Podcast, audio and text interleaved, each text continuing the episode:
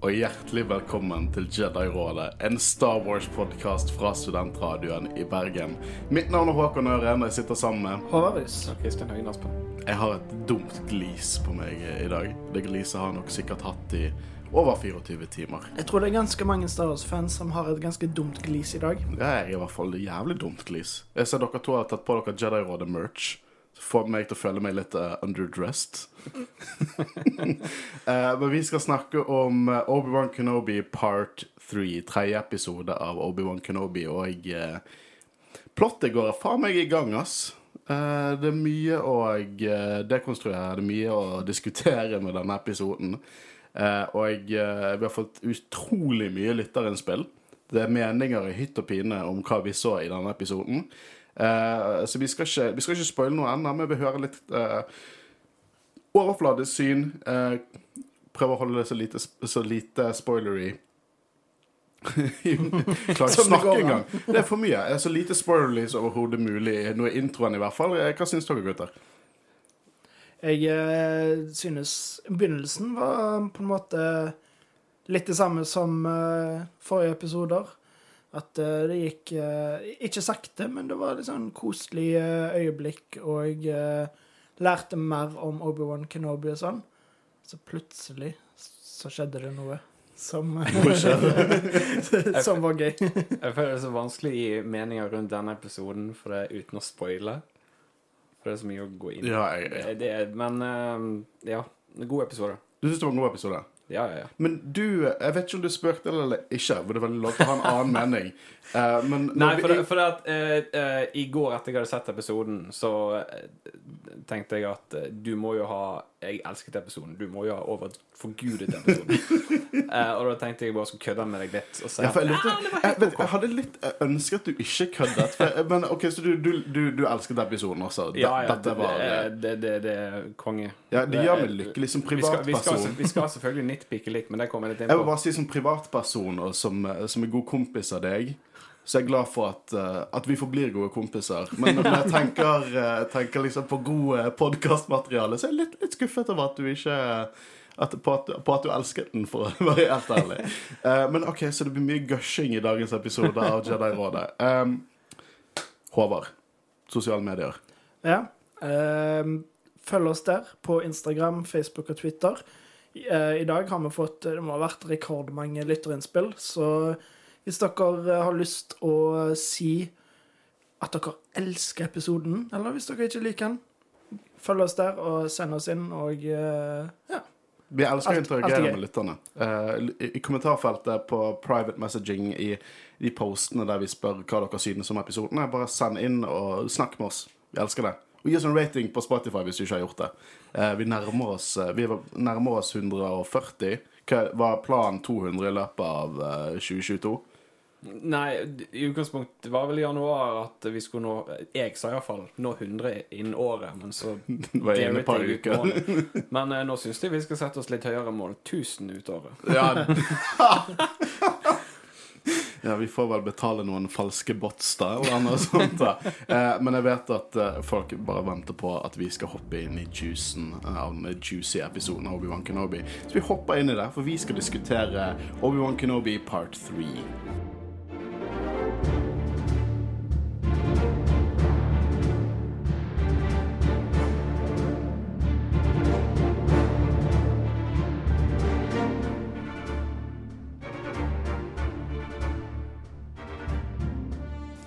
og jeg må begynne med, en, eh, med, med bare en, eh, en retting av meg sjøl. Jeg sa, det var, det var ønsketenkning, at det var four LOM i forrige episode, men det var ikke det. Det var en ny en. Det var en ny LOM-serie som overridet sin egen kode for å ønske å bli Bounty Hunter, eh, som ikke var four LOM. Det er One Jack. Så jeg berettet på det. Så nå retter jeg på meg sjøl. Det var One Jack og ikke Four LOM. Eh, men vi snakker om denne episoden istedenfor. Eh, vi begynner med at eh, Kenobi igjen prøver virkelig å få tak i Quaigon. Dette er tredje episode der Quaigon er blitt nevnt. Han kommer til å dukke opp. Det er ikke noe tvil lenger at Quaigon Gin kommer til å dukke opp. Jeg føler det blir litt skuff nå hvis han ikke dukker opp. Ja, nå kommer jeg til å bli litt skuffet hvis han ikke dukker opp. Eh, det er do, no, de, de har nevnt ham for mange ganger. Vi hører archive footage av både Quaigon og Yoda. Ikke at jeg forventer å se Yoda, men jeg forventer å se gode, gamle Quaigon Gin. Men i forhold til hvordan denne episoden utspiller seg mot slutten, eh, og du ser eh, hva status Kenobi er i når han treffer på Wader Nå kan vi, oh! spoile. um, eh, faen, hvor var det jeg ville med dette? Jo, Jeg tenker veier du nå? Hvor ja, var det? ja, ja. Nei, nei, nei, liksom, eh, du ser hva statusen er. Han, han er ikke i, i god, altså, god modus. Han er ubalansert, sånn. ubalansert, og. Jeg, Mm. jeg tror det er det som stopper han fra å uh, fullføre den treningen som Yoda på en måte har gitt han sine Range of the Sit. At han er litt ubalansert og uh, ikke greier å gå videre fra det som skjedde med Anakin og det der. Så det gjør at han Det er iallfall det jeg tror stopper han fra å connecte med Quaigon. I tillegg, så senere i episoden òg, så får vi høre et lite sitat fra en uh, kjenning. Quinlan Voss. Det er helt Um, awesome at han ble named opp på det er sånn. Og eh, det han på en måte leser der, uh, det føler jeg det er ganske tydelig at han blir litt prega av det. At han på en måte kanskje ikke tenker 'å, jeg har gjort det feil', men at han på en måte får et litt annet syn på hva han må gjøre. Så kan hende at det hjelper òg. Jeg tror hele den historien For- kommer til å handle om at Obi-Wan skal få closure til å bli den han er ment til å bli. Ja, for at eh, vi ser han Altså, nå er vi kommet midtvest. Vi har sett halve serien. Og jeg tror vi kommer til å, å se en helt annen Kenobi på slutten. Vi kommer til å se en balansert Kenobi eh, som eh, Holdt jeg på å si har lært av feilene sine. Ja.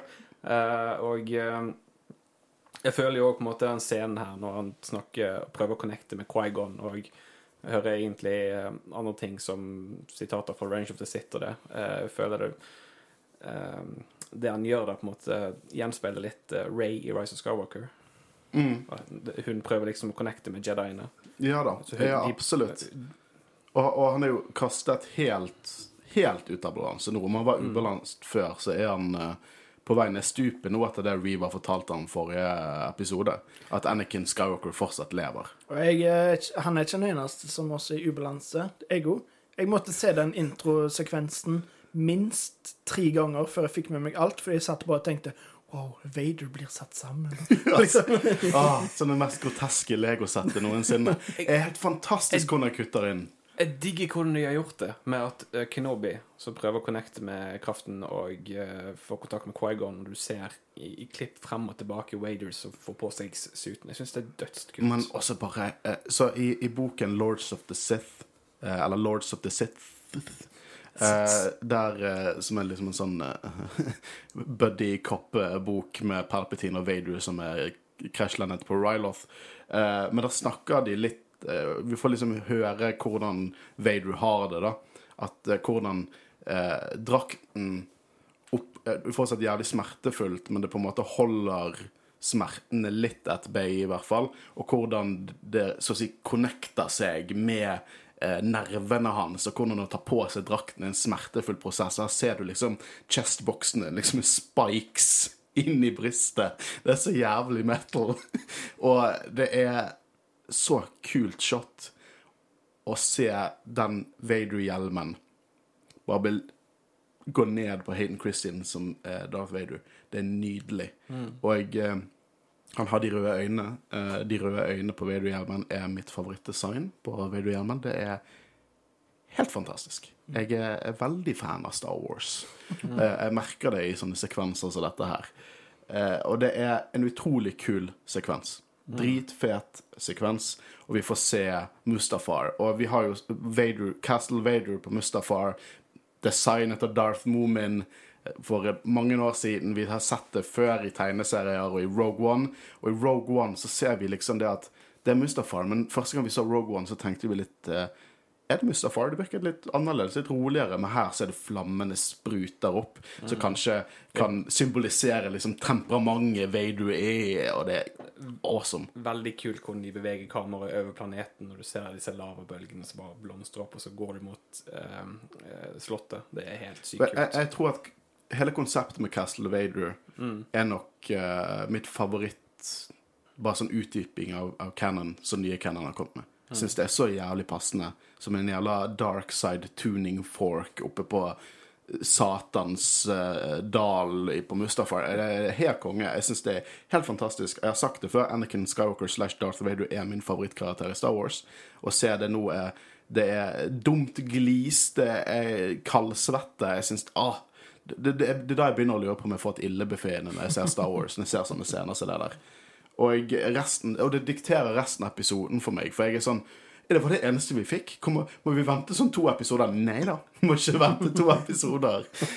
Uh, og han snakker jo med Reva, Uh, og jeg James Earl Jones er tilbake, heldigvis. Ja, la oss snakke litt om stemmen til James Earl Jones. Jeg leste Det ble vel mer et rykte. eh, For at uh, i forhold til Rogue One så syns jeg at stemmen var Og Rebels. Og Rebels så syns jeg at stemmen var litt Han hørtes ikke like gammel ut, på en måte. Han hørtes ut som så jeg lurer på om de har lagt en uh, balan... Uh, inn litt av uh, Hayden Christensen. Ja, jeg skulle til å si det. At de har balansert det. På noen tidspunkt så synes jeg jeg hørte litt Hayden i det. Kan hende at eh, det ikke er det, men jeg føler det ville vært veldig passende om de faktisk hadde transfusa, eller sammensmelte men- de eh, Men husk hvordan de gjorde Luke da i A Book of Boba Fett. Ryktene For jeg har lest noen av de samme ryktene. Det tilsier at, eh, at eh, de kanskje har rett og slett deepfaket. Det heter noe annet når det stemmer, men det er Ja, for, samme for konsept. Mark Hamill så hadde de vel bare tastet inn på en PC. Ja. Fått han det sagt. det. jeg Men jeg, masse- jeg, tror, jeg tror jo selvfølgelig at James Earl John har spilt inn, og Hayden Christensen har spilt inn, og så har de på en måte Det kan godt hende. Men er- er det jeg, den ene teorien jeg leste, er at det rett og slett er Hayden Christensen. Og så har de, har de på en måte har de Deepfaker stemmen hans til høres ut som James Ja, Jones. noe sånt, da. Eh, jeg, jeg håper jo altså, Dette ble jo bare spekulering, men jeg håper jo, sånn som de gjorde med Mandalorian, at de lager en, eh, dokumentarserie basert på hvordan de laget dette. her. ja, ja. Det, det, det kommer. Det er absolutt det kommer. Og det gleder meg til å, til å se. Men Eh. jeg, jeg vil si Reva kanskje er eh, i litt trøbbel. Ja, men når du prøver å gjøre noe for Vader, så bare Du, du må ha graven din klar, liksom. eh, for det at hun snakker med Vader, og jeg begynner å vagt lyge om at eh, det som Obi-Wan gjorde mot eh, The Grand Inquisitor, så vet, vet fortsatt ikke hva faen som skjedde med han. Han lever. Liksom, Ja. Folk må roe seg. Han lever. Dette går De- ikke mot canon. De, de, har ikke rett, de har ikke gjort noe med det. Han er hovedskurken i første sesong av Rebels, som nå får en sequel-serie i live action. De retconner ikke The Grand Inquisitor. Hvis ikke Jason Isaacs, Isaac spiller The Grand Inquisitor sin bror med smalere fjes som opp etter dukker vi opp vet etter ikke hvert. Nei, han, han dukker opp igjen. Uh, det eneste vi må tåle nå, er sinte Star Wars-fans sine bad takes om hvordan Disney driter i canon. Nei, vi har ikke sett alt annet. Jeg tenker vi skal la hele serien spille seg ut før Ja. vi begynner å kritisere sånn. Ja, absolutt. Absolutt. Men uh, jeg tenker òg jo mer på Reva, uh, at hun på en måte lyver om at det er Obi-Wan. Mhm. For det innser jo Vader garantert på slutten her at det er faen ikke mulig. Ja, det kan godt hende, og det kan være interessant. Det kommer i hvert fall eh, jeg interessant. Jeg tenker det får konsekvenser i neste episode. Jeg. Jeg tror det kommer til å være interessant når han kommer tilbake.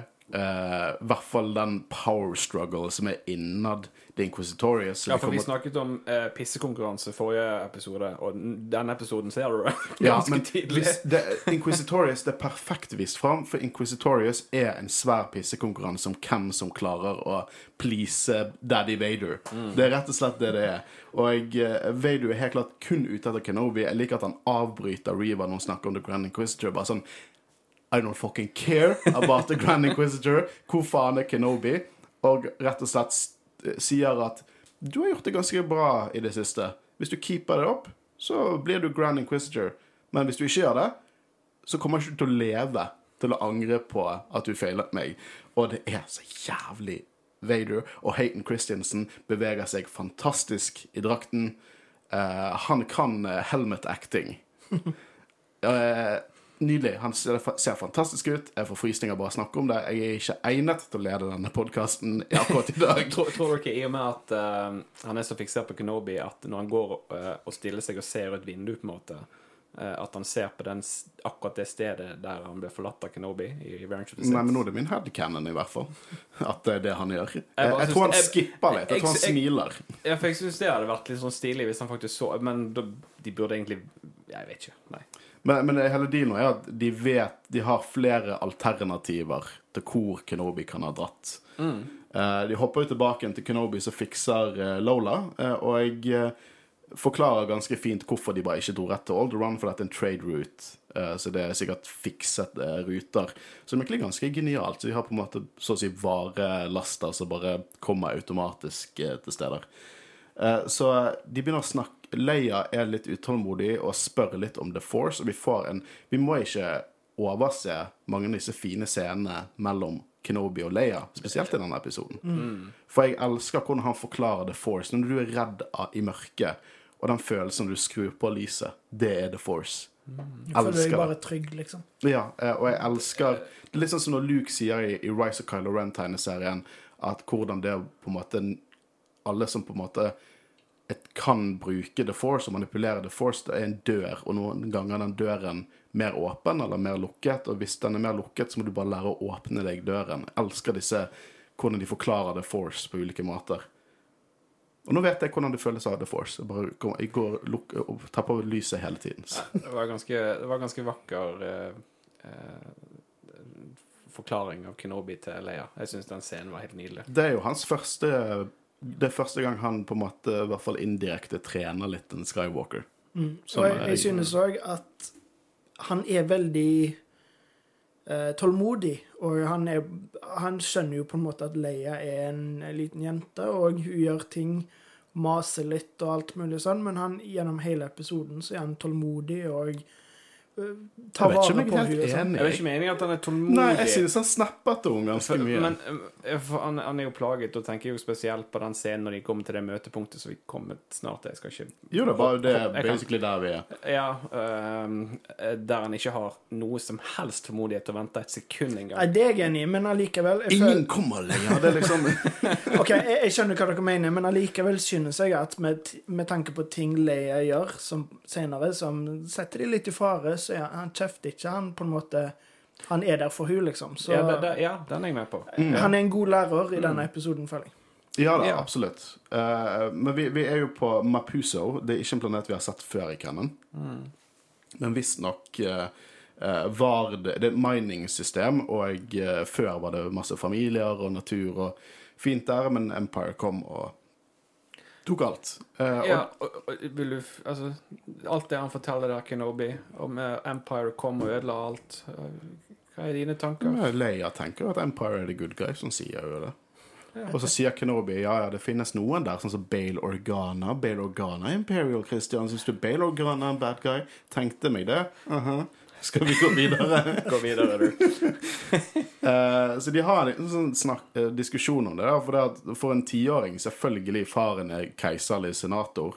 Hun kommer jo til å bare tenke at ja, ja, Empire er the good guys. Det, jo, det, gir oss, det gir oss mer dybde til universet. Det er god worldbuilding, syns jeg. Det er realistisk og grounded. Og det er jo her ingen kommer og møter de. Men jeg så den samme droidemodellen, loader-droidemodellen, ved landingsplattformen. Jeg lurer på om det faktisk var han, og han ga beskjed der og da. Hvem vet? Eh, men eh, det er jo Vi hopper videre til Nei, nei. Beklager. du må ikke glemme Jeg må ikke glemme noe av det eh, mest creepy i hele episoden. Dette er jo den første gangen eh, vi ser uh, Ja. Christensen. For det at uh, han, eh, han, han ser på en måte det at uh, Nei, nå har jeg hoppet litt frem og tilbake. Det er ikke her Kenobi besinner sinna fordi det ingen møter de. Han Nei, går det er der, før. Ja, det er før. For han går og snakker med Leia, og så ser han i horisonten Anakin Skywalker. I full Jedi-gear. der, der må jeg på en måte ha eh, eh, trodd i utgangspunktet at før Kenobi eh, så at det var Anakin, før han snudde seg Jeg tenker Kenobi må ha tenkt at det kanskje var Quaigon. Ja, jeg begynte å lure litt, sant? men han, han ser helt freaket ut, og det er et creepy syn. Det er Anakin Skywalker i full Jedi gear. Gir veldig mening. Han vet jo ikke hvordan Anakin ser ut nå. Nei, og tror jeg at i og med at han fant ut at han var i live, så har det virkelig påvirket hodet hans. Ja, det ser ut som Det ser ut som Anakin Skywalker fra Mustafar når de, før de begynte å slåss. Og eh, det får meg til å tenke at uh, vi kanskje får noen flashback-scener i de nærmeste episodene. De har jo laget hele Jedi-utstyret til Hayden Christensen. Hvorfor ikke bruke det til noe flashback? Så? Yes, please. Ja, men jeg, jeg har mer eh, tanker om det når vi kommer dit. Men vi hopper til Nur. Fortress Inquisitorius dratt rett ut fra Jedi Fallen Order.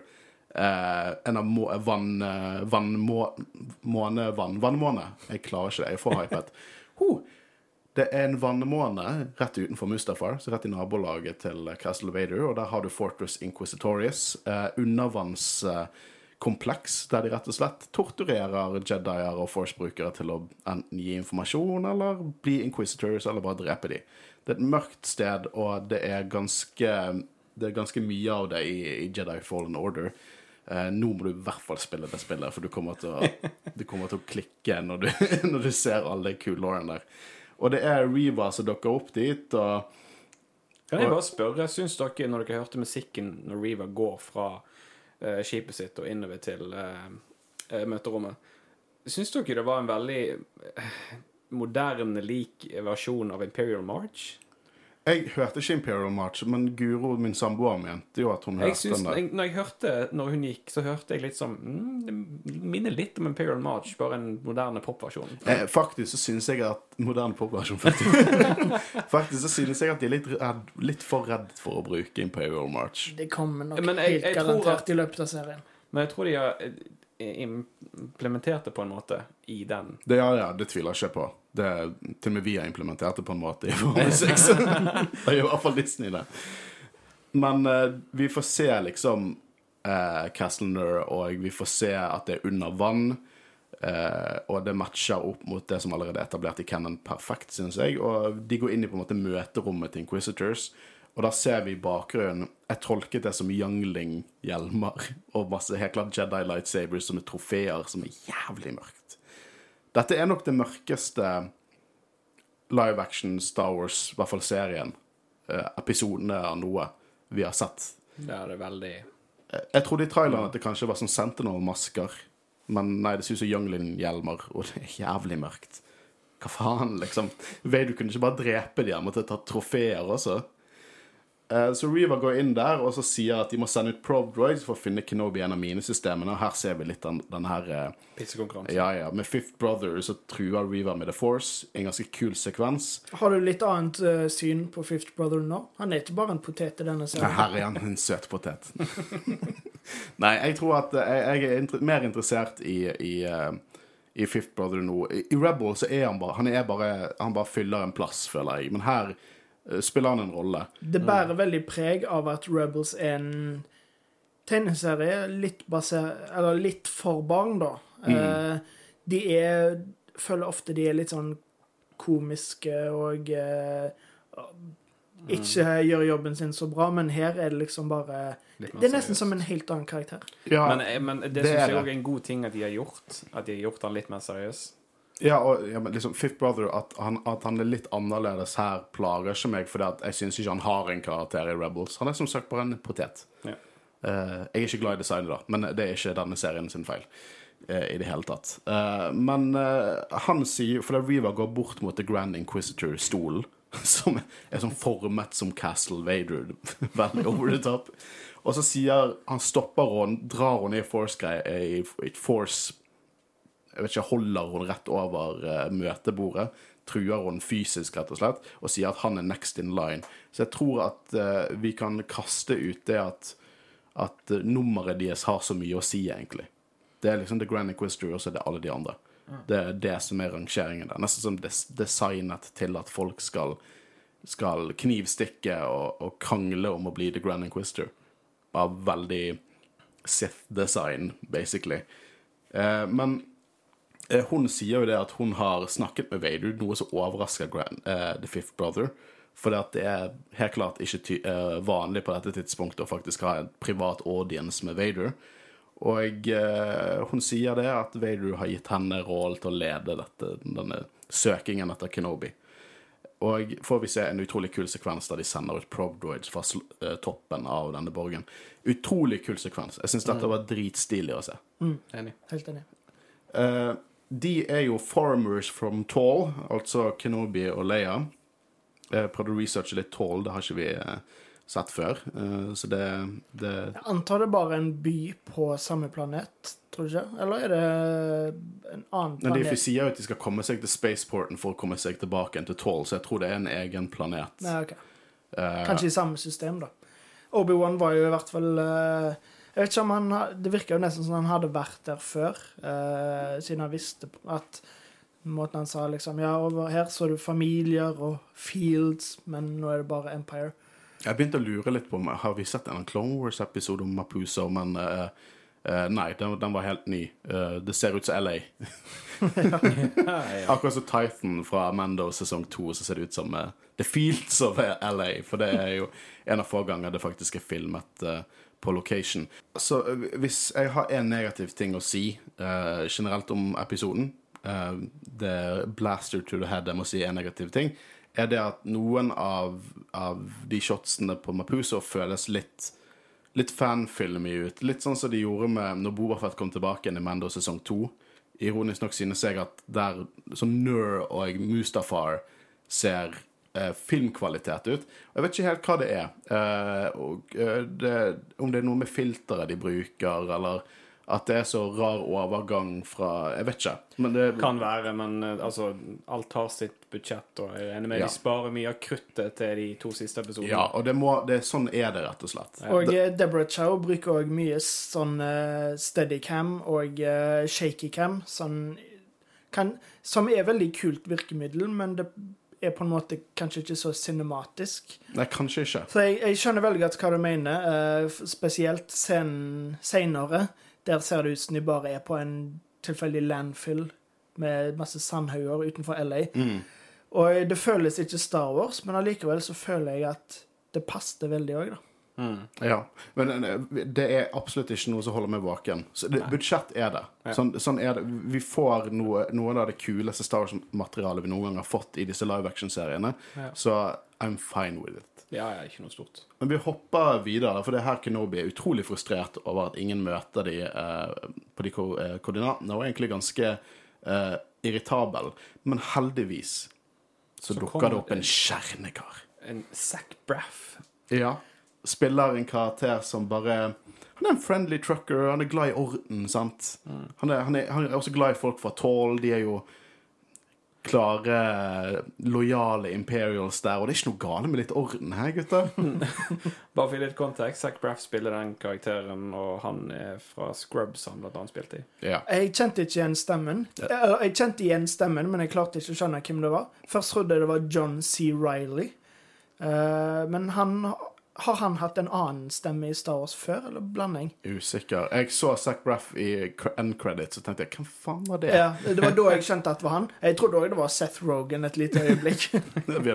Og der måtte jo latteren komme fram. Men eh, han heter Frack, da, eh, og virker som en veldig real fyr. Sånn glad i orden. Eh, har et litt hjemmelaget Imperial-flagg bak på trucken sin. Og, Jeg synes det var veldig kult design, men det er noe når de bruker praktiske effekter på Ja, sånne ting, og beveger seg munnen sånn, beveger seg.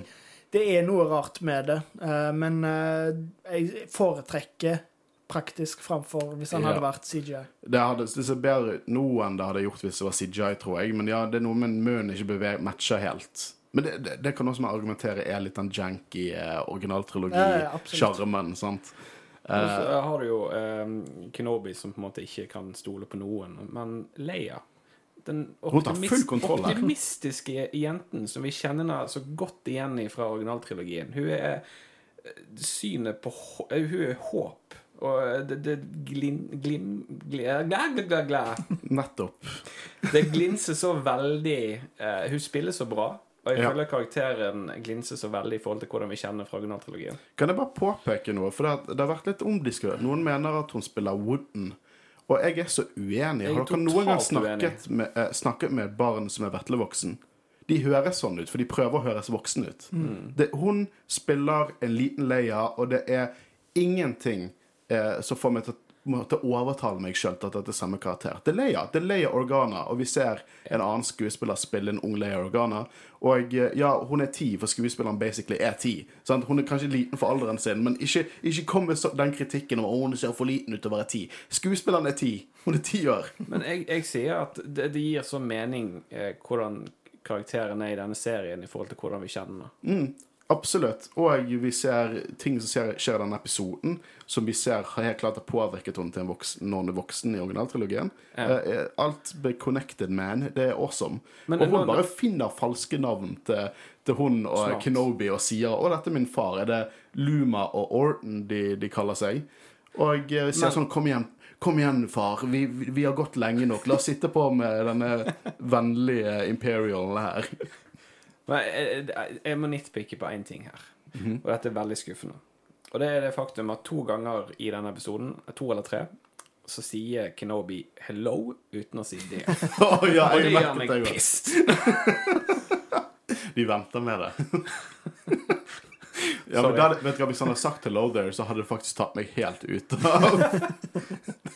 Det har blitt Proof prequel memes, eh, ass. Jesus. Jeg elsker den scenen som kommer nå med sånn småtalk med stormtroopers på en busstur på vei til en flybase. Det er, det er gøy. Ja, og når Leia sier 'We love the Empire'. oh, nice to meet like-minded folk. Nothing wrong with the little order, right? Elsket det. Elsket det. Det ah, han er liksom Han er sånn sørstatende truckdriver som har liksom Empire-flagget på skipet sitt og Nei, på, på, eh, på lastebilen sin. Og, så ja, når stormtrooperne kommer bort der Og jeg skal ikke begynne med en sånn herre rant her eh, om at Empire er the good guys. Jeg vet ikke er the good guys, OK? Det er en meme. Men det er litt gøy å se at Imperials er bare vanlige folk. Og at de har blitt venner med en lokal mann her, som ofte gir de eh, plass til å kjøre til, eh, til basen. Og, og sånn, de faktisk er vennlige med han. Jeg syns det er flott å se. Det gjør bare at jeg tror mer på, på, på universet. Eh, og det er jo her eh, Kenobi gjør en rookie ass mistake. Eh, han har helt klart vært ute av gamet lenge, og jeg sier, kaller hun Leia. Og da begynner jo trooperne å reagere, og så dror han det inn med at når Nei, de var her, at det var, de var her liksom For fordi moren døde her, eh, og Leia var moren til Luma. Og så snur han seg og ser Leia i øynene og sier at eh, han ser Vi savner henne veldig, jeg ser moren. Ser moren hennes i hun nå, og han snakker jo helt klart om Padmay. Og det er et fint, fint øyeblikk. Nydelig øyeblikk. Og du ser på en måte at uh, Leia skjønner at uh, Det er det er noe mer der, og han vet eh, ting om moren. Ja, og, og det får vi en For når stormtrooperne går av, så begynner jo hun å Hun skjønner det. sant? Så hun spør jo du kjente moren min, og hun begynte å snakke om hvordan hun forestiller eh, faren sin. Og, og, Og før det spør Obi-Wan rett ut er du den ekte faren min. Det var så søtt øyeblikk. ja da, og, og, og du ser at Obi-Wan bare setter seg ned og bare sier at han hadde ønsket han kunne sagt ja. Og så Så Kenobi hadde en ting for Padmay? hadde ikke du hatt en ting for Padmay. Men, uh, nei, han, men- du får en liten reveal her. En, ikke en reveal, men bare noe vi aldri har hørt Kenobi snakke om. Han Ja, snakker var, om sin jeg- familie. Det var det jeg var nysgjerrig på. eh, For han har en bror. Er dette noe du har hørt om før? Ja, Obi-2 Kenobi. Obi-Two Kenobi. Nei, uh, det er, var jo eh, Det var jo old, old school canon. Da mener jeg old school. Da mener jeg, eh, da mener jeg eh, sånn rundt originaltrilogien så var det det at, at eh, Owen Lars var broren til Kenobi. Og onkel til Lu... eh, og Nei, det, det, det, var, det var noe rart der. At han var broren til Kenobi. Eh, og noen crazy ass eh, internettsider begynner å si at det er connection der. At eh, Owen Lars er broren til Kenobi. Nei. That's Tror du de gjør det? Nei, det skjer ikke. Uh, that's stupid. Eh, det er en grunn til at det ikke har vært canon på utallige år. Det kommer ikke til å skje. Owen Lars er ikke Obi-Wan Kenobi sin bror. Obi-Wan var født på Stujon. Og broren hans kommer ikke til å spille en rolle i historien. Det er kun for å forklare det at han har hatt en familie. Obi-Wan ble tatt fra, fra sin familie, eller ikke tatt. Jedien er ikke så jævlig onde. Eh, men han på en måte, han husker glimt av faren sin og glimt av moren. Og han husker en liten baby. Han tror han hadde en bror. Og så fikk han en ny familie med Jediene. Og så Akkurat sam- som Leia nå har fått en ny familie. familie. Ja, og det er et utrolig fint uh, eh, øyeblikk. Jeg synes, På en måte synes jeg hele denne sekvensen var Når de er på den uh, bilen, at det var litt sånn cheesy eh, og eh, liksom Nesten ble tatt av Stormtroopers, men de rodde det inn. og Det var veldig passende Star Wars, men jeg visste ikke helt hva jeg syntes. Helt til det neste som skjer, når de kommer til den der uh, Inspeksjons- ja, inspeksjonsposten. Eh, og det er ganske tydelig at Freck ikke er så snill som Han er jo eh, kjempesnill. Han vil hjelpe The Boys in White. Han vil hjelpe The Shiny Stormtroopers. Jeg kan si han var litt frekk. var.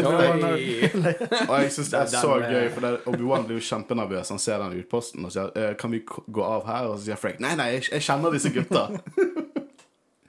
og eh, Kenobi sin uh, taktikk da um, for å gjemme seg litt bedre er å ta på seg hatten og se ut som en Jedi.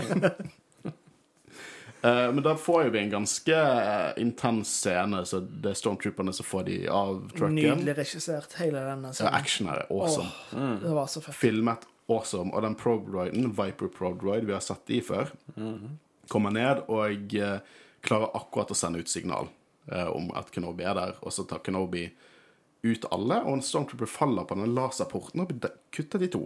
Vi ser det. Husker du når vi ble sjokkert over Mando-episoden i Book of Bobafett, der han kuttet liksom over, over bordet noen i to, og så kuttet de vekk? Her bare får vi se steady. Stormtrooper faller. Stormtrooper i to deler. Det er ikke engang det mørkeste vi ser i Nei, denne nei, det, er det verste. uh, så de, de, eh, jeg tenkte bare det at de, de går bort og skal gå gjennom den porten, og så Kan jeg bare spørre Her er nitpicking til. Kan de ikke gå rundt? Jo, jeg skal, det er det jeg skal si. For det, jeg, bry, jeg hadde ikke brydd meg om den porten var skrudd av. Jeg hadde ikke gått gjennom der. Jeg hadde gått rundt. Jeg så ikke helt poenget Det er jo dritfarlig. Jeg bryr meg ikke om den er skrudd av. Tenk hvis den blir skrudd på igjen. Men de går nå gjennom denne Men livsfarlige ja, og før det så blir det jo uh, Leia holdt gissel, der uh, Obi-Wan eh, sakte, men sikkert tar blasteren ned og plutselig skyter. Og det er veldig western. Mid-sentence også. Han bare 'just let the girl Eh, Ja, Veldig kult filmet. Og det viser jo det at uh, det er et uncivilized uh, våpen, men han er faen meg flink til det. Eh, og så blir jo de eh, kommer jo det nye Stormtroopers med en offiser. Eh, men dette er en karakter som heter Tala Durif, Durith. Spilt av eh, Indira Varma, kjent fra Rome og Game of Thrones, blant annet. Eh, en skuespiller jeg er veldig stor fan av. Og hun er undercover Imperial. Skyter nest sine egne Stormtroopers og hjelper Kenobi Tror du og Leia. Ja, fordi hun er faktisk en Imperial fortsatt. Ja da. Kommer, hun sier jo senere i episoden, som også er veldig stilig, at hun joinet Empire når Empire sto for noe. I hvert fall da hun trodde de sto for noe. Eh, og så gikk det så lang tid, og, og, og hun Det var for seint. Da skjønte hun at dette er ikke the good men, guys. Men det er ikke for seint for deg, Håkon.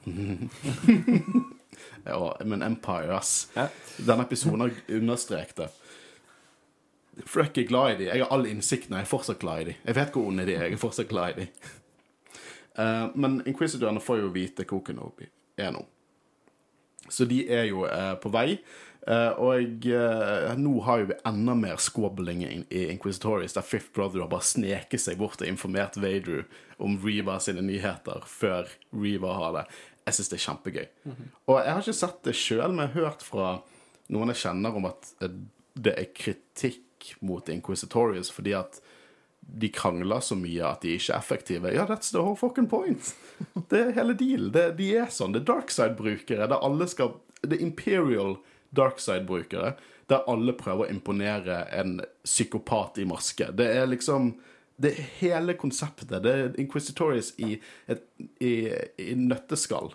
Hvis ikke de hadde kranglet og hatet hverandre og knivstukket hverandre i hytt og pine, så hadde ikke det vært rett. Det er sånn de er, og I love it hvordan de viser det i denne serien.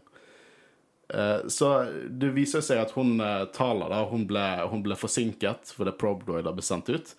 Eh, Men hun har en pilot som kan få de vekk fra planeten. Um, her får vi se litt en liten scene som jeg mener er veldig viktig. Vi må huske at Leia er ti år. Hun har sett utrolig mye død og vold opp til nå. Og hun faller litt sammen. Får et lite nervøst sammenbrudd der Kenobi faktisk kan si til henne at 'husk, dette er ikke din feil'. Ja, det var her jeg mente da at han er veldig forståelsesfull og tålmodig. At han eh, legger ikke skyld på Leia eller noe sånt noe. Jeg syns det er viktig å ta med den scenen. Jeg synes det er en kjempeviktig scene. Måten hun liksom bare sier at ja, jeg, jeg gjorde det ikke med vilje. Jeg pleier jo alltid å bare springe rundt. og skulle ønske jeg var hjemme. Men det var jo egentlig ikke hennes feil. Selv om ja, hun sprang, hjem, hun sprang ut. Men kan jo ikke legge skylden på henne på en måte Ja, heller. Hun løpte godt, da. Hun gjorde i hvert fall det. Hvis det var litt flere kvister på Alderon, så hadde ikke de dusørjegerne funnet henne. Eh, men de er, eh, Tala leder de inn i et verksted der vi så ser Ned B, en loader droid. Uh, jeg fant ikke noe informasjon om droidemodell. Jeg tror det er en ganske ny droidemodell. Eh, men Ned B er en stum loader droid. Eller er det en droid? Jeg tror det er en droid. Men Det er, det, det er ikke noen inni det? jo, det er en skuespiller inni der. Men, Ja, ja, men uh, noen kjente? Er det det? Nei, jeg vet ikke. Jeg Du, bare du snakker jo som at du skal komme med en stor nei, nei, nei, nei, jeg, bare, jeg bare Metating er din, og det vet du. Det, Ja, du nei, det, jeg, jeg vet helt ærlig ikke om det Jeg vet det er flere teorier der ute som jeg har lest om at um, folk som tror det er forskjellige der inne. For eksempel er det veldig populært at uh, noen tror det er Wrecker. Jeg skal ikke gå inn på det, men jeg, jeg Eh, I don't men, like men, men, poenget mitt er at um, jeg, Spesielt når vi kommer til den scenen der Stormtroopers kommer inn, og han holder en uh, Hammer. i, i ba bakhånden og skal til å gjøre noe, får meg litt til å tenke på at det hadde vært veldig kult hvis det faktisk var en, en karakter som vi er kjent med fra før, var inni der. Jeg håper jeg det er en droid. Men det de kan gjøre, er fordi uh, Leia prøver å snakke med han, og så sier jo uh, Tala Nei, han kan ikke snakke, han, uh, han kan ikke kommunisere, for han er bare en loader. Uh, hva man vil, hva man vil si nå, da? det er så søtt. Jeg føler Det kan jo bety at kanskje de gjør sånn at han kan snakke senere. Liksom bare tar av en sånn en bolt, og så er det Det en kan han. Jeg, jeg syns han bare oste personlighet. Mm, Eh, ja, jeg jeg føler det er et veldig godt eh, Egentlig bevis på at alle droids er sentient, uh, og at det er ganske fælt hvis de kan snakke og har tanker, men at hun liksom bare skrur av muligheten til å Mm. kommunisere. Nei, men Jeg syns Ned B er en fantastisk tilskudd til uh, droidefamilien så jeg gleder meg til å se mer av han. Vi får bare vente og se. Du får vente og se. Jeg bare, jeg bare tok opp en eh, interessant Jeg personlig bare håper det er en droid. Hvis Record dere det var nei, Jesus. Nei, altså, det, det, er, det, er, det er en av flere. Det sånn, dukket opp flere navn, liksom. Rex, for Eh, eksempel. Men det som Tala leder inn til her, er jo rett og slett et sånt safe house. Mm. Uh, og uh, hun sier at det er flere av sånne safe house rundt omkring. Rett og slett litt sånn frøene til opprørerallianse, kan vi kalle det det. Der hun hjelper eh, flyktninger komme seg til eh, Jabim og få nye identiteter og, og komme seg vekk fra The Empire. Og hun sier at Obi-Wan er ikke den første Jedien. Jeg liker at uh, hun kalte det Eller hun sa at noen kaller det for The Path. Mm. Uh, veldig fint navn, egentlig. At uh, det, vi har en trygg vei å komme seg ut. Fordi det er jo tydelig at det, Ikke bare opprøreralliansen, men det er jo veldig tydelig at det er mange force-sensitive som blir redda ut av de, da. Ja, for det hun sier nå, er jo det at Empire, Empire begynte jo ikke bare jakte på Jedi, men også jakte på force-sensitive og force-sensitive barn som blir sendt vekk og aldri sett igjen. Og vi vet jo at de ble sendt til, eh, til Castle Nur. Uh, Castle Fortress Inquisitorius, og uh, de tok og ja, torturert, prøvd å bli gjort til Inquisitors. Vi vet den skjebnen til de, og det er kult at de på en måte anerkjenner det i kan jeg kalle det mainstream canon, liksom. Det, jeg jeg, jeg syns det er veldig stilig. Tror du Obi-Wan drar der for å eh, eventuelt prøve å redde uh, Vi har jo sett scener fra traileren at det er noe som skjer på et sted som minner om eh, Fortress Inquisitorius på Nur. Så eh, det er Fordi Fall. Order, det er før Obi-Wan? Ja, det er det sikkert fem år før. Ja. Eh, ja, fem år før, ja. Mm. Så da kan det jo skje noe på Nur, eller uh, Castle Nur, hva det kalte det? Uh, Fortress Inquisitorius heter det, litt, heter det egentlig. Planet, nei, må, månen heter Nur, men slottet heter Fortress Inquisitorius. Men vi får name-droppen her, Quinlan Voss, så nå er jo det mange teorier om at han dukker opp senere i serien. Jeg vil ikke utelukke det. Han er visst en god spiller eh, i dette gamet. Vi så jo han i Clone Wars. Uh, han er en, vi i Phantom Menace. Det hadde jo vært veldig kult, for han har jo hatt mange Clone Wars-episoder med Kenobi.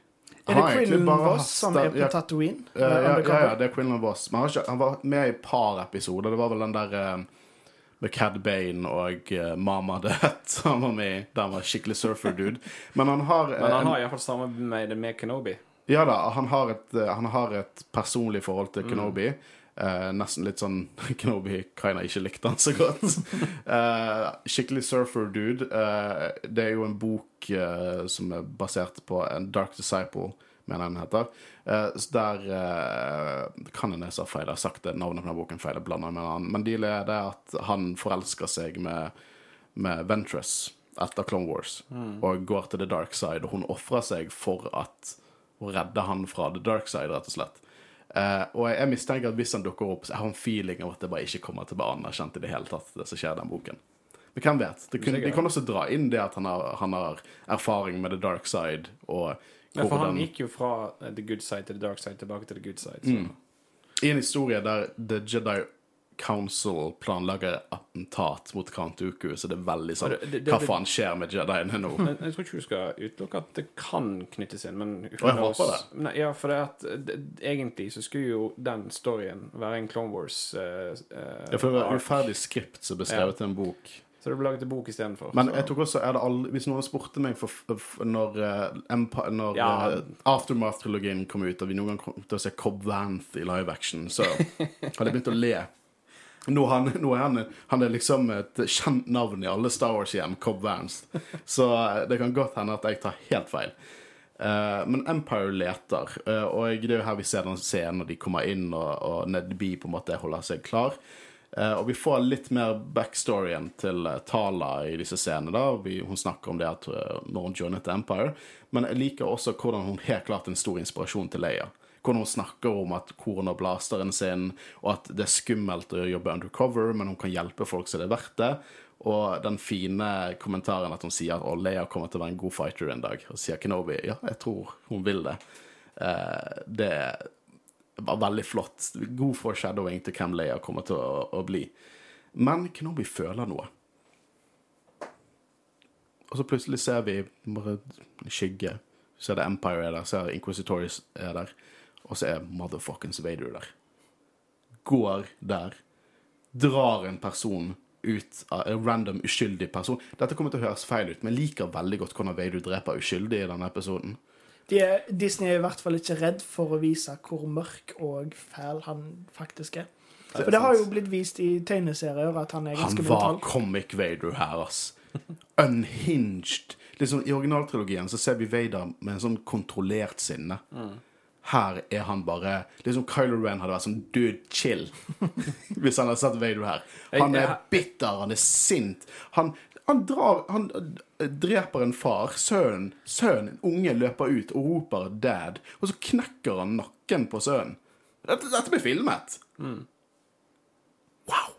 Men eh, det, jeg, jeg leser litt at uh, folk savner Imperial March, men jeg, jeg liker egentlig stemningsmessig at Ja, de utelukker det. Dette er ikke Imperial March-scene. Mm. Dette er eh, mørkt, og han helt klart Vader er helt klar over at Obi-Wan er der, og han føler- dreper de for å terge ved Kenobi, få han ut, Ja, ut i det Så jeg mener det er riktig å ikke bruke han. Ja, han, liksom, han dreper ikke bare menn, men kvinner og barn også. Ja, det er liksom Og han insisterer på å gå mot eh, Vader alene. Og vi, vi allerede nå, på Quarry der Vi har snakket litt om hvordan det ser ut, men han får, vi får en duell mellom Eller kan vi kalle det en duell? Det er Vader som bare står der, igniter lightsaberen sin, og Kenobi som er rett og slett Uh, nope.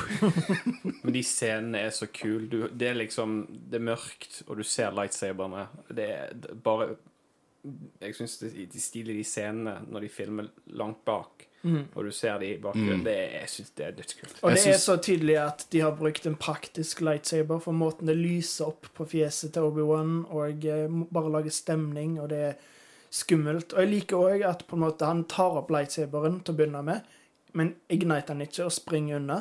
Plutselig Darth Vader bak han, og på instinkt så bare tar han han opp med en gang. Og, eh, Ja, Ja, for ak akkurat den scenen når Wader først igniter lightsaberen, når, når de står på den Åh, oh, så kult. Å, oh, fy faen. Ja, Måten han bare kommer ut av skyggene, og du ser lysene blinke på Ja, og pustingen bare skikkelig kicker inn. Jeg liker også hvordan lightsaberne veldig, er veldig dramatiske i seg sjøl. Hvis plottet tillater det, så blir det ignited jævlig fort. Men hvis det skal være dramatisk, så kommer det litt sånn Og så syns jeg i veldig stor grad scenene som er, er mellom Wader og Kenobi nå beskriver seg godt sjøl, men den dialogen de har dratt inn der, det er så fantastisk. What have you become? Og- I am what you made me. Ja, det, ah. du fy faen. Det er ah. så bra. Og seriøst hvordan han kommer ut av skyggene. Hvordan han beveger seg som en faen meg horrorvillen. Bare Mm. går rolig. Uh, han er hevngjerrig. Uh, han blamer helt klart Kenobi for hvor han hvor han er i livet. Han, han bare Hatet flyter. Han er bitter, han er avskaftet, og han får eh, Ja, han får som sagt Kylo Ren til å se ut som en baby. Dette her er så passende til hvordan han er i canon. Han har ikke sluppet taket. Hatet hans er bare ukontrollert. Og hvordan han driver og fekter med én arm, og du ser Kenobi så vidt klarer med to hender å holde vekke slagene. Det er, og Kenobi igniter lightsaberen sin, vi, vi skulle forvente at det ble et stort, heroisk øyeblikk. Nei, det er, det er, han er redd, han er desperat. Han klarer så vidt å holde denne makten som er Darth Vader vekke. Og jeg, jeg leser mye eh, eh, kritikk eh, på nettet rettet mot akkurat det faktum at Kenobi er eh, så svak nå. eh, og i forhold til det med New Hope, eh, når Wader møter Kenobi der eh, Men jeg tror at dette er bare sånn som vi ser Kenobi nå. Men denne serien kommer til å utvikle Kenobi til en stor duell på slutten. Ja, ja, men Kenobi, han er jo han, liksom, han, han På en dag så han trodde at Anakin var død, til han ble liksom dette Imperial Sith-beistet som han møter nå. Han er helt klart ubalansert. Han er ikke klar for dette i det hele tatt. Og han, eh, han går jo ut der for at Leia og Tala skal slippe unna. Det nevnte jeg, eh, glemte jeg å nevne. Men det er så utrolig stilig, og hvordan han, han hevner seg så bokstavelig at de på en måte kommer over kull eller noe sånt. Så, for, så Vader får til å brenne, og han drar med The Force, Kenobi, gjennom flammene at, og sier at din smerte har så vidt begynt. Og Vi ser, på, eh, vi ser hvordan de har introdusert Kenobi de to første episodene, og hva status han er i nå, hvordan han har det i livet. Eh, Og det, det kommer til å endre seg i løpet av serien nå. Han kommer til å uh, rise above, som han sier i uh, Rebels. Ja, absolutt. Uh, men det bare er så jævlig stilig. Og det er så mørkt, og det er passende mørkt. Det er ikke noe Disney-fied i det hele tatt. Kenob Vader er en forbanna sadist, måten han Du ser hvordan han står, til og med. Det er ikke sånn elegant. Han bare sånn Å, jævlig sånn «Å, Din jævla kuk, jeg skal brenne deg eh, sånn som jeg brente. Det er ganske brutalt, altså den scenen når han Force-holder han og drar han ned i flammene. Ja, det er så utrolig stilig, så utrolig bra gjennomført. Uh, Vader som står, og du ser flammene i speilbildet og står foran flammene. Utrolig, utrolig stilig. Og du bare får flashback fra Mustafa i Revenge of the Sith. Eh, du begynner å tenke sånn alle ting de har vært gjennom eh, i Clone Wars. For det er noe med oppførselen hans som får meg virkelig til å minne Det minner meg litt om Anakin, på en eller annen måte. Han er veldig sånn han, han er ikke så kontrollert sånn som vi har sett Vader. Han er bare untamed sinne og hat og nesten litt sånn Kan, kan jeg si at han er nesten litt sånn umoten hvordan han dreper uh, uskyldige her? Nesten bare ja, Det bare minner meg om, om, om Anakin. Men du at det er helt ser- klart han som er der. Du ser jo tydelig at han er ute etter Han er ikke ute etter å drepe Kenobi med det første. Han er ute etter å eh, ha hevn. Ja. Han vil virkelig gjøre skade og føle det han følte når han forlot han på Mustafar, holdt jeg på å si. Um, og det føler jeg òg er grunnen til at jeg ser mange klage på at Wader bare lot han gå. Men jeg tror ikke det har noe som helst med eh, at han lot han gå. Men han Ja, for vil, han vil Kenobi blir jo reddet nå.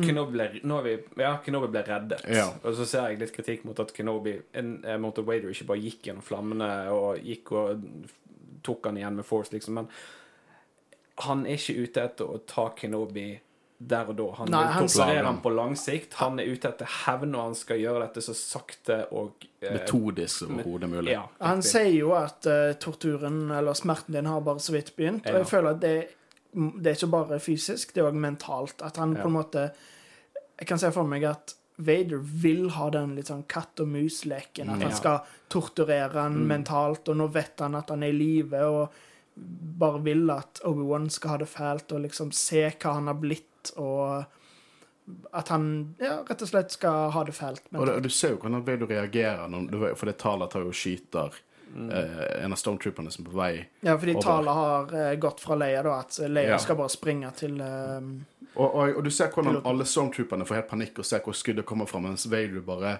rolig, og så snur han hodet sitt. Og det er nesten litt sånn La oss, la oss spille dette ut. Eh, jeg, jeg synes at Hayden Christensen gjør en fantastisk jobb i drakten. Mm, Av og til så man at han er ikke like høy som han burde være, men illusjonen holdt seg godt nok. Eh, og James Earl Jones sin stemme Det høres ut som, originaltrilogi James Earl Jones. Det var Vader vi så. Det var Darth fucking Vader Ja. vi så. Eh, og det, det, det målte seg med Rogue One Vader-scenen. Det var fantastisk, fantastisk å se. Eh, vi, skal, vi har mer å, å snakke om med lytterinnspill, for vi kommer til å diskutere litt uh, rundt det noen av dere har sendt inn til oss. Uh, og så nevner nå at Riva hun finner jo dette safehouset imens, og jeg avslutter episoden med at hun har nå Leia. Jeg så vi at hun har Leia, for jeg ser for meg en fantastisk chase-scene i starten av neste episode. Hun parkourer bak Leia som løper. Jeg har ikke utelukket det, vet du. Men eh, har vi noen siste tanker før vi hopper inn i lytterinnspill? Det var en eh, Til å begynne med en helt OK episode som ble helt fantastisk.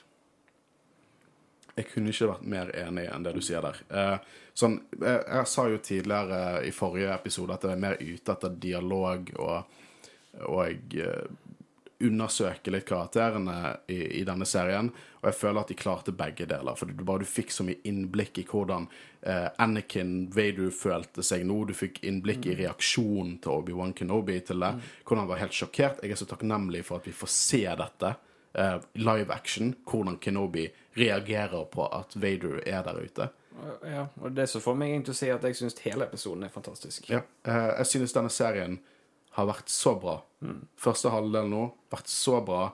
Kanskje den mest stabile, bra eh, halvdelen av en live action-serie vi har sett. Eh, så jeg, jeg, jeg er så bitter eh, at jeg har lyst til å dra alle gjennom flammer eh, for at vi ikke har alle episodene her og nå, for jeg, jeg trenger å vite Det er jo litt kjekt å bare tenke 'holy shit, hva skjedde nå?' og så må du vente en Nei, det er ikke kjekt. Det er ikke kjekt. Eh, Jeg, jeg, det er så mange Star Wars-prosjekter nå. Gi oss alt. Gi oss det Netflix-style. I don't care anymore. Det er veldig vanskelig for produksjonen av episodene våre der vi skulle sitte og snakke gjennom seks episoder av Kenobi. Jeg syns, det, jeg syns dette er bedre for spenningen sin Det er jo en event. Hver uke er det en event. Ja. Eh, Der man må dodge spoilers mens man er på jobb, og så endelig kunne komme hjem og se episoden. Ja, men fantastisk episode. Jeg syns det var eh, no, noe nydelig Star Wars vi fikk her. Nydelig, nydelig Star Wars. Eh, og eh, de fleste av dere synes jo det også. Eh, men det er noen forskjellige tanker eh, her. Vi kunne ikke dekke alt som ble sendt inn, for vi får, i hvert fall på denne gangen jævlig mye inn. Men vi hopper inn i det. Du kan jo få lov til å begynne denne gangen, Christian. Skal være ekstra grei med deg. Oi, oi, takk. Uh, yes. eh, har det skjedd før at noen har knekt nakken til noen andre med The Force, eller er Wader en pioner på det tenker Jeg jeg faktisk begynte å researche litt akkurat det der. Og jeg, sånn jeg tolker det, når Vader force choker Man hører ofte litt sånn knekkelyder. Eh, men vi har ikke fått det så brutalt som denne gangen. Det, var, det var en unge. Han knakk nakken til en unge. Eh, men eh, på Wikipedia så nevner jo de at, at det, kan, det kan Force kan føre til at du brekker nakken. Men jeg tror ikke vi har sett det før. Det at han knekker nakken på en unge, bør egentlig ikke sjokkere deg så mye i forhold til den scenen i Range of the Sith. Ja, men det kutter, kutter jo de vekk, sant? Her bare Ja, ja, sier ja, du ok, det. fair enough. Det verste at du sånn, ok, Hun ene For han drar jo og dreper en dame der òg. Hun skuespilleren nailer det hylet, for det høres ut som noen er fuckings terrified. Og det var så kult å se vanlige folk sin reaksjon til Vader. Jeg elsker det. Jeg syns det er så stilig å se hvor skummel han faktisk er. Jeg bare understreker hvordan Vader er diskuterbart den beste filmskurken i historien. Og i denne episoden, måten du så drakten på Jeg føler han oste.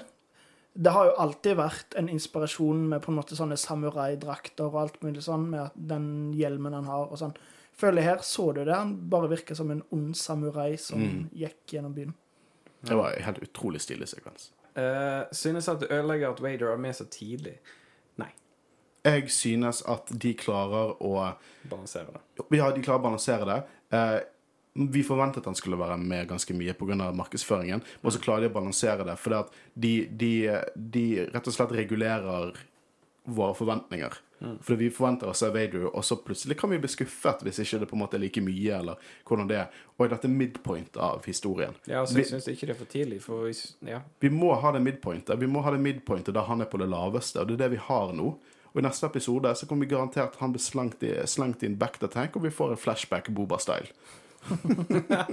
Den skal ikke du se bort ifra. Eh, skuespilleren bak Reeva har fått masse rasistisk hat. Uh, ja, dessverre. Det er helt sykt. Det er flaut å være Star Wars-fan av og til. Ja, jeg syns det er Veldig skammelig. toxic. Utrolig toxic. Og jeg vet hva?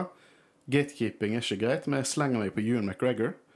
Uh, de som gjør det, er ikke Star Wars-fans, for det er det mest anti-Star Wars-oppførsel. Det er ikke det Star Wars handler om.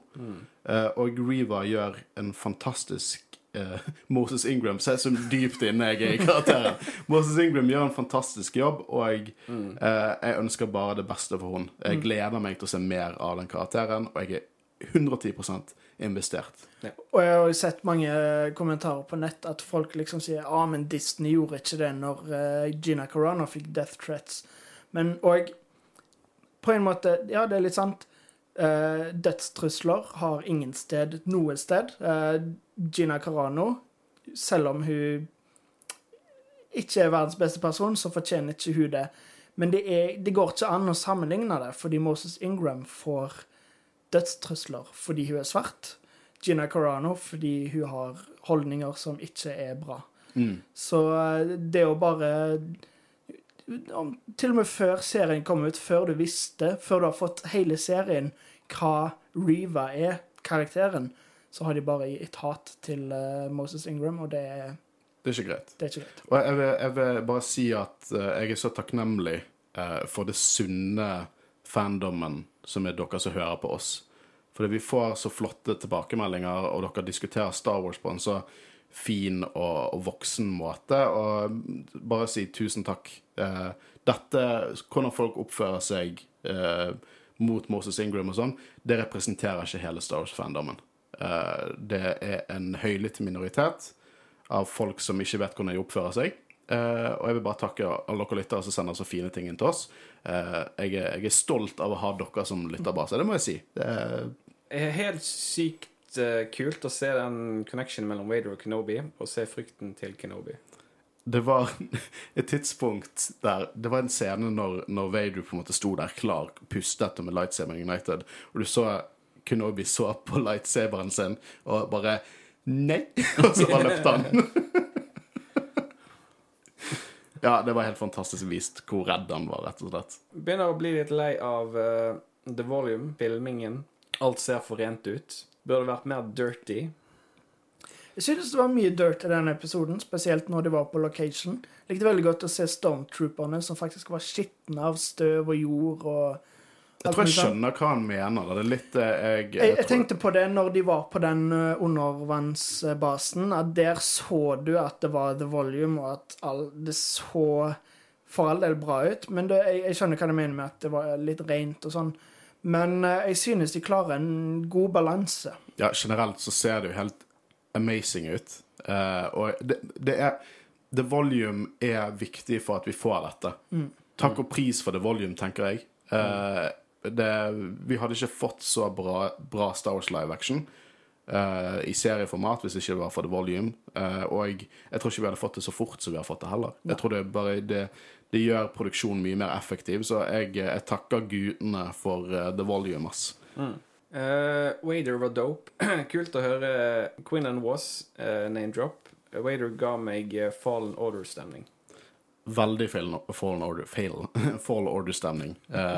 Han er jo et beist i det spillet når du først ser han. Et skummelt bare force of nature som spiller gir deg håp til å tro at du kan ta ut, og du klarer det ikke. Så eh, veldig Fallen Order-stemning på Vader her. Matcher veldig karakteren vi ser i Fallen Order. Slutten var faktisk sykt skummel. Beviser at vi trenger en Darth Vader 18 pluss-film. Jeg vet ikke helt om vi trenger en 18 pluss-film. Denne episoden viser jo det at Star Wars kan være mørkt, selv om det er ikke på en måte groteskt og R-rated, liksom. Vi har jo sett at Hayden Christensen er åpen for en egen Darth Vader-serie. Det hadde vært litt kult, det òg. Bare sett han på sitt mørkeste. Jeg hadde bare ikke det. sagt nei takk til det. Ja, kjør på. Nå er det mine kommentarer. Eh, Rått at Håkon har fått en cameo som sjåfør for The Empire. Jeg, eh, jeg, jeg, jeg, jeg Er velger det tegneserieliga? vel, Nei, det er ikke det. Det var litt Jeg velger å tro at, eh, at det ikke er utseendet, og det er mer attituden.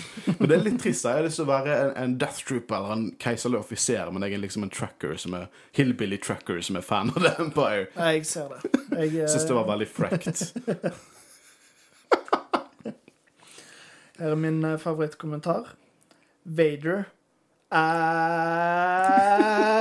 Og jeg det samme, samme følelse når jeg så det. Digger den, spesielt Vader når han drar Obi-Wan gjennom flammene. Og jeg føler det er så passende med måten eh, Anakin ble Vader, med at han eh, var i lava, og det at han nå på en måte tar Obi-Wan gjennom det samme. og Det er veldig passende. Det, det, det Star Wars er som poesi. Ja, kunne ikke sagt det bedre der borte. Beste Disney noensinne har laget, Daddy Vader. ja, det er Jeg vil si at nå er vi inne på det Disney virkelig gjør bra. Si hva du vil om sequel-filmene, men eh, seriene, og spesielt dette så langt, har vært Ja, jeg, men jeg, liksom, Nydelig. jeg kunne ikke brydd meg om at, at sequel-filmene akkurat nå er om At de var omdiskutert, eller det, det bare viser at det er så mye å ta tak i i Star Wars. Og at man kan ikke Kan ikke la en film eller to man ikke liker, ødelegge ditt forhold til Star Wars, for det er så mye å ta tak i. Det er så mye bra. Det er noe for alle der ute. Ja. Og vi, får, vi lever i en gullalder av Star Wars. Dette må være noe av det beste vi har fått av Star Wars. Gåsehud av hele episoden. Og ja, litt det vi sa, det er utrolig bra kvalitet. Denne episoden viser virkelig hvor brutal Vader er. Knakk nakken på et barn foran familien. Og ja, det er brutalt. Og det, det var noen som var redd for at pga. aldersgrensen bare sånn, og Det kommer til å være sånn Disney-fied barneserie. Og så får vi denne episoden. They couldn't be more wrong. Så tar jeg to eh, kommentarer på rad. Ti av ti ferdig snakka. Darth Vader, aka Michael Myers. Og neste Darth Myers er passe creepy.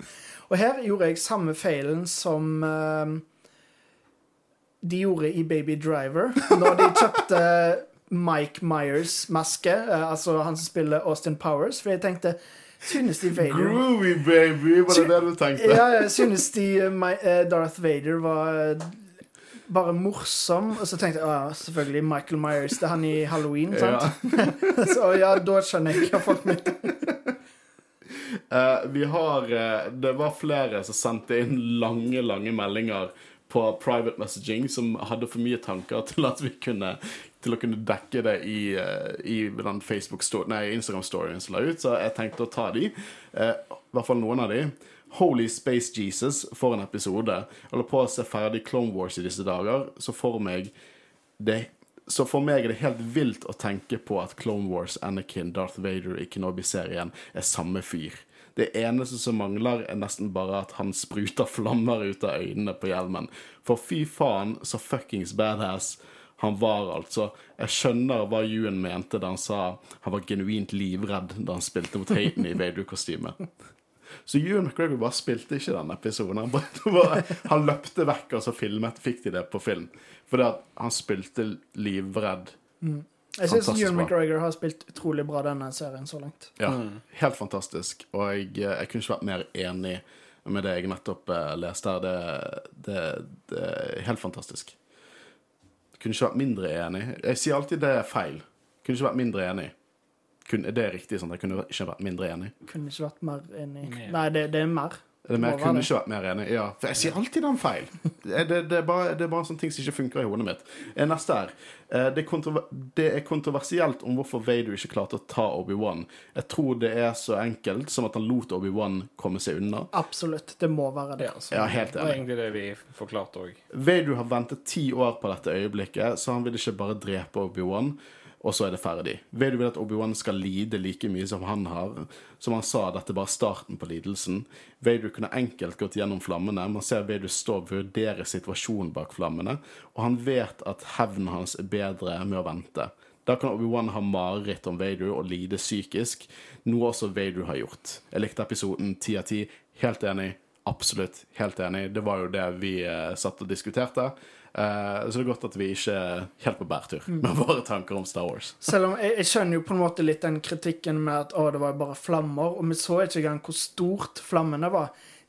Det skulle jeg ønske, at de, de kunne hatt et sånn wide shot der vi så flammene, og hvor stort det var, og Vader på den ene siden og Obi-Wan på den andre siden. Men det vi fikk, var jo ganske morsomt òg, med bare stormtroopere som helt garantert var livredd for Vader, og at de hadde feila. Liksom 'Å, vi, vi kommer oss ikke gjennom! Det er for mye flammer!' Så jeg, jeg synes det var litt gøy, det òg. Ja, eh, men absolutt det, det som lytteren bare sier, at han står der og vurderer situasjonen. Du ser det, hvordan han beveger seg. Reagerer på helt andre ting enn det stormtrooperne reagerer på. og eh, du ser det er mye tanker som foregår bak den masken. Mm. jeg er helt enig. Dette her er noe Vader vil la ruge. Han planlegger. Ja, ja, ja. det, det, han er ikke interessert i å bare gå der og ta han. Det er ikke det. Han har ventet ti år, så han kan klare å Vente litt til. Ja, ja, ja. Eh, fantastisk, fantastisk episode, og jeg kan klare faen meg ikke å vente til neste. Det krybler i alt. Jeg trenger mer av denne serien nå. Eh, nei, det, det Det er bare så bra at jeg blir nesten litt rørt. Det er, jeg bare elsker Darth Vader. Elsker den karakteren. Elsker Anakin Skywalker. Jeg elsker forholdene her med Obi-Wan Kenobi som Anakin og som Vader. Eh, det blir helt fantastisk. Og vi, vi er halv, halvveis inn i serien, og vi har tre episoder igjen. Huh. Nei, det blir spennende. Uansett, vi har vel, vi har vel egentlig fått ut uh, nerd-gushingen vår uh, her i dag. Eh, og du kommer til å finne oss på en podkastplattform nær deg om ca. en ukes tid, der vi snakker om del fire av Obi-Wan Kenobi. I mellomtiden så er vi Jedi-rådet. Gjerne send kontakt oss på, på Instagram og, Facebook hvis det er noe, eller du har lyst til å snakke med oss, eller har du kritikk, eller konstruktiv kritikk, eller praise, eller vil du bare Star Wars-spørsmål, eller spørsmål om oss? Send inn til oss. Vi elsker å snakke med dere. Uansett, mitt navn er Håkon Øren, og jeg sitter sammen med Favoris. Og Kristian Høgen Aspen. Og vi er Jedi-rådet, en Star Wars-podkast, og vi fuckings forguder Darth Vader. Ha det bra. Ha det bra.